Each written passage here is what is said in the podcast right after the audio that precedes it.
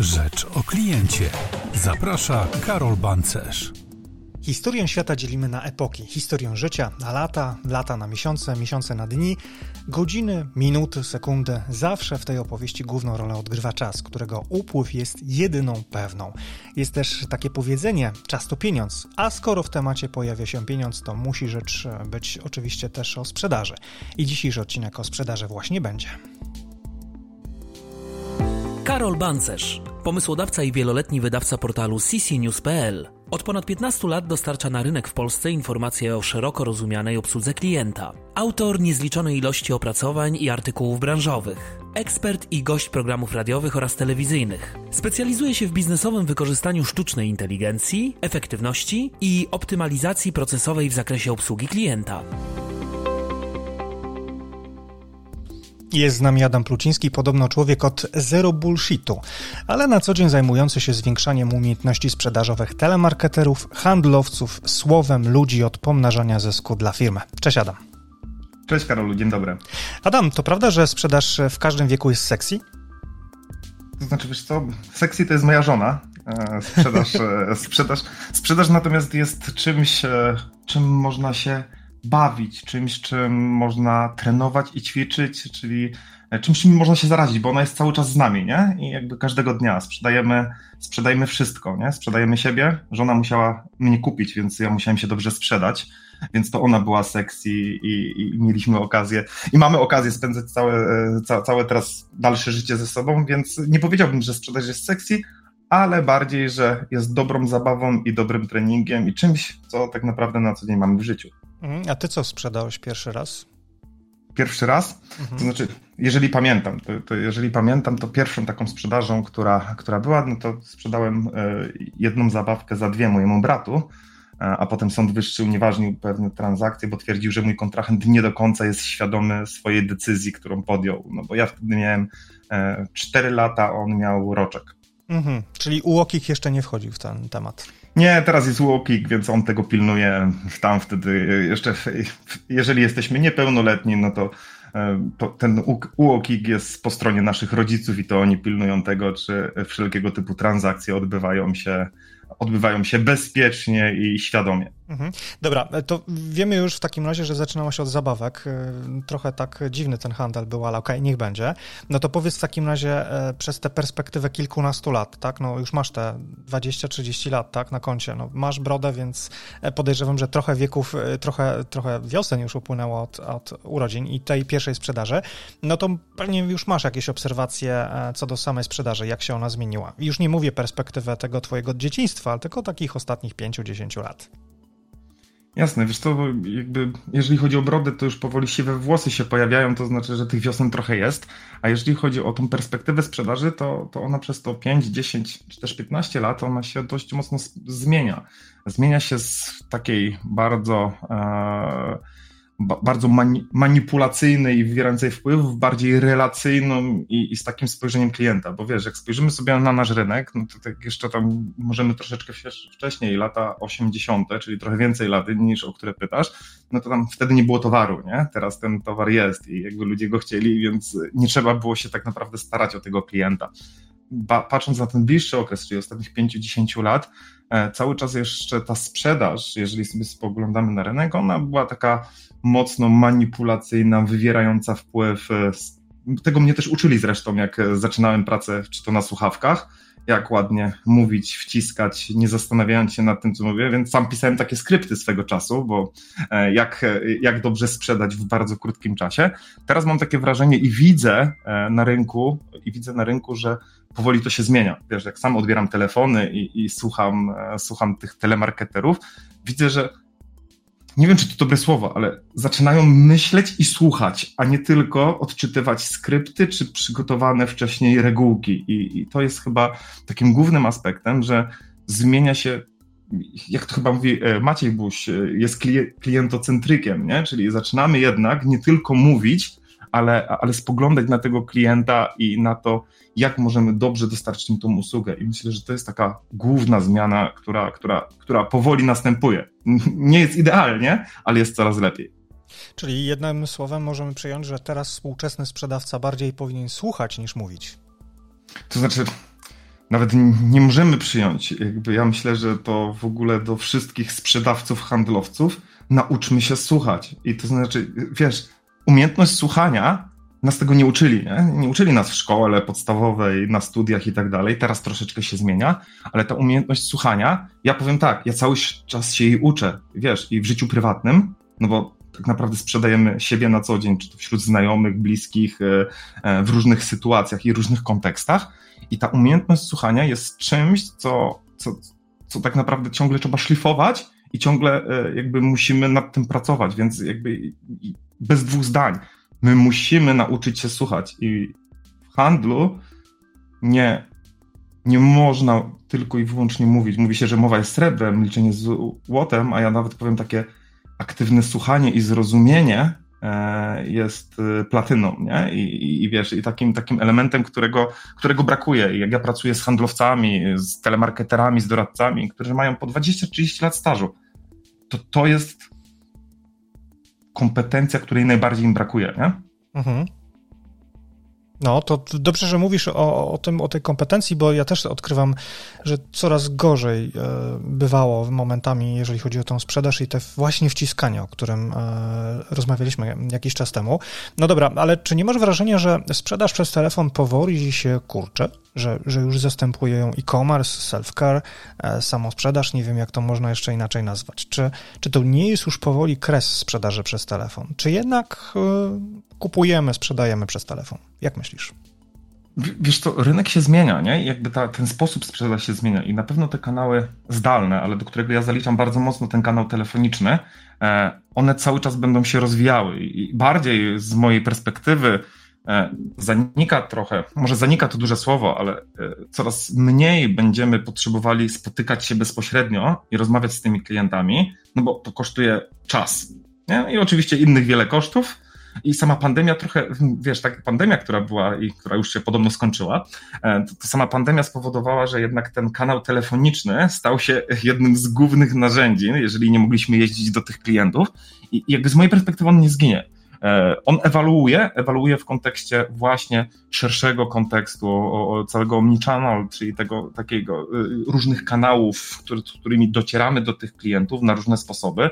Oczywiście cały, cały, cały, cały ten e-rynek, czyli czyli, czyli dostęp do usług online, on będzie się, e, on będzie się cały czas poszerzał i ze względu też trochę na, e, na, na zmiany, na zmiany społeczeństwa, nie? No bo przecież już teraz na wielu stanowiskach, bo czy to, czy to B2B, czy B2C, ale zmienia nam się konsument, nie? To jest konsument, który, który rodzi się ze smartfonem w ręku i już jest tym człowiekiem, który kupuje. I, I tu pojawia się znowu brak pewnej kompetencji, ale takiej społecznej, komunikacyjnej, no bo oni bardziej właśnie y, od samego dziecka komunikowali się y, na, online, komunikatorami i teraz do, ja, ja sam u siebie nawet zauważam tę sytuację, że coraz więcej zapytań mamy na poziomie, nie wiem, czata ze strony. E, e, ludzie do nas piszą mailem, i oczywiście moim celem jest zawsze konwertowanie na telefon, bo niestety te kanały nie są doskonałe w kontekście tego, co chcemy zrobić, Natomiast coraz więcej ludzi dostają takie informacje, nie, ja chcę komunikować się w tej formie, nie chcę z tobą rozmawiać.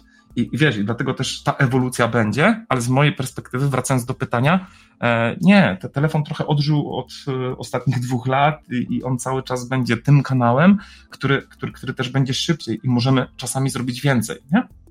No ale mówiłeś o perspektywie e, samego klienta. To, że jednak on nie chce rozmawiać z nami przez telefon, to by oznaczało, że rzeczywiście ta sprzedaż powinna ewaluować. Jeżeli już nawet my chcemy jako sprzedawcy posługiwać się telefonem, to chyba powinniśmy też respektować potrzeby samego klienta. Czy nie tak myślisz?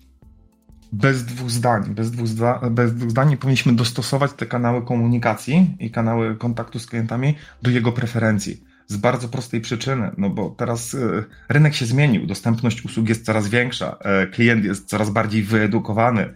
On jednym kliknięciem e, w 30 sekund jest w stanie znaleźć wiele informacji w internecie, zobaczyć jakie są ten. Jeżeli my nie dopasujemy się trochę do tego klienta, to tak naprawdę go stracimy, nie?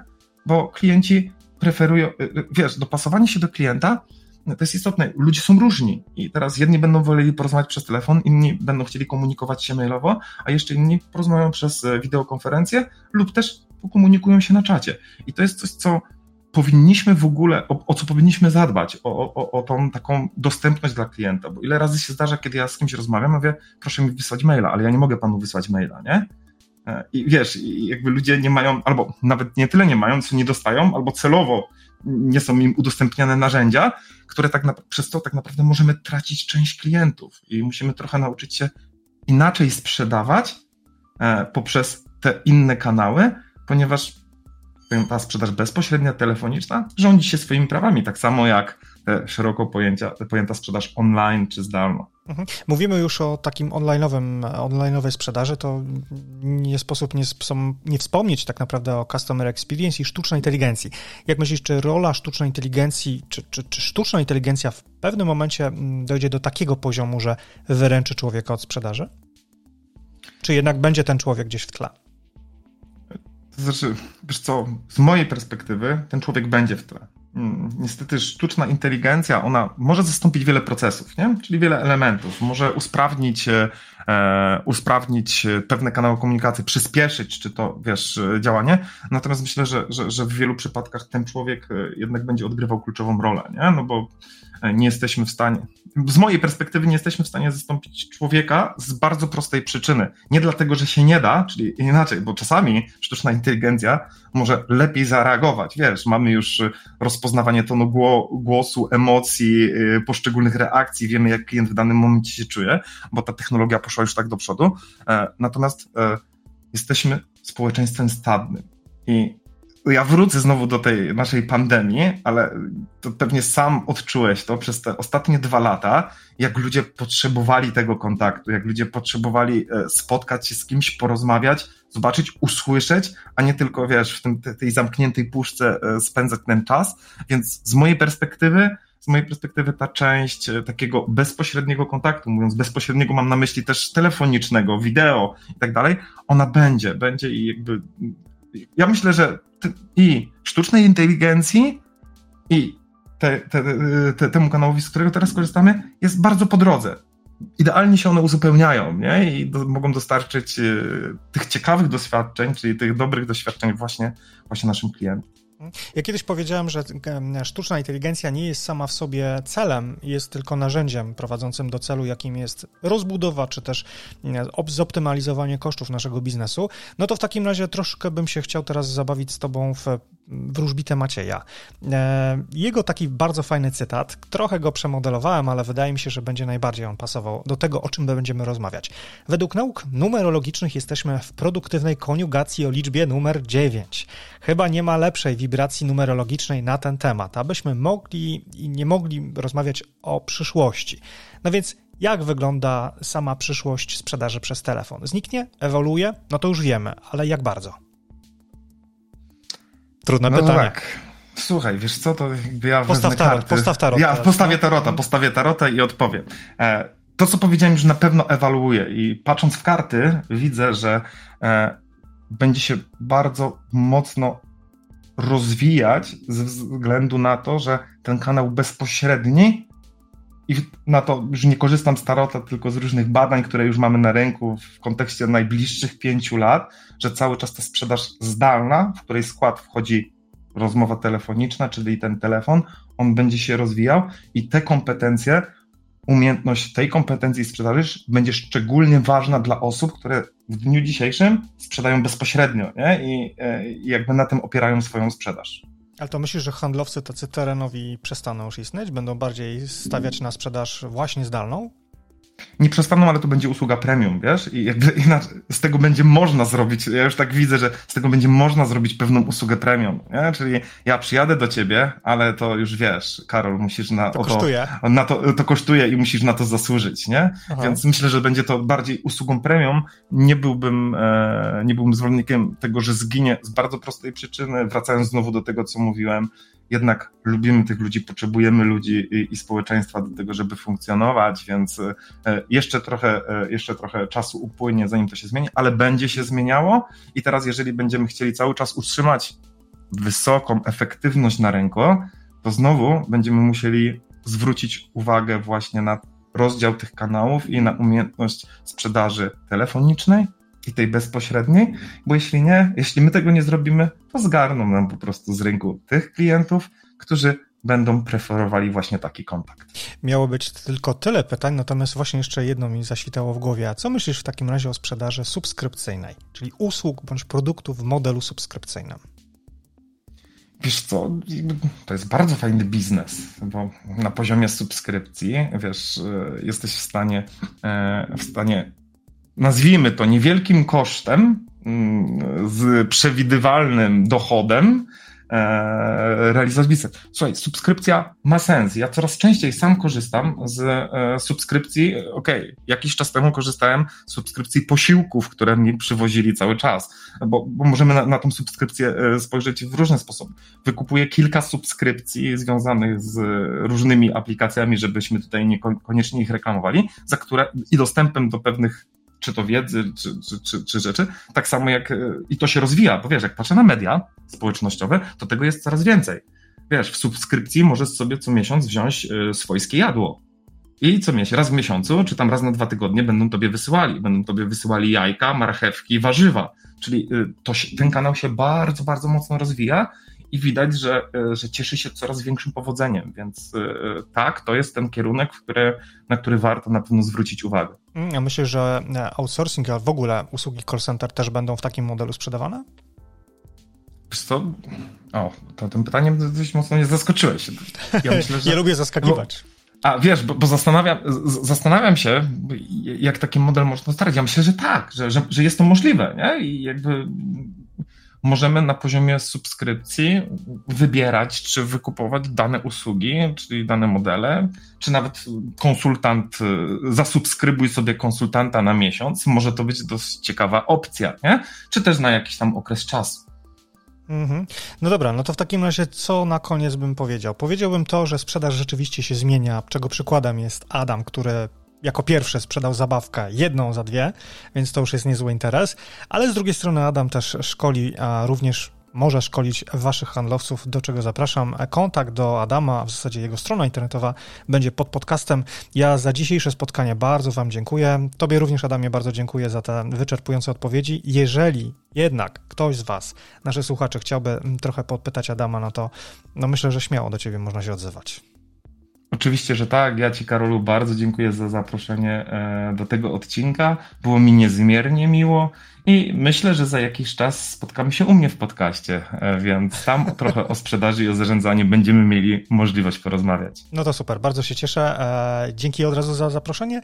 No i co? Słyszymy się za tydzień. Do usłyszenia. Do usłyszenia. Odwiedź stronę ccnews.pl oraz zajrzyj na media społecznościowe.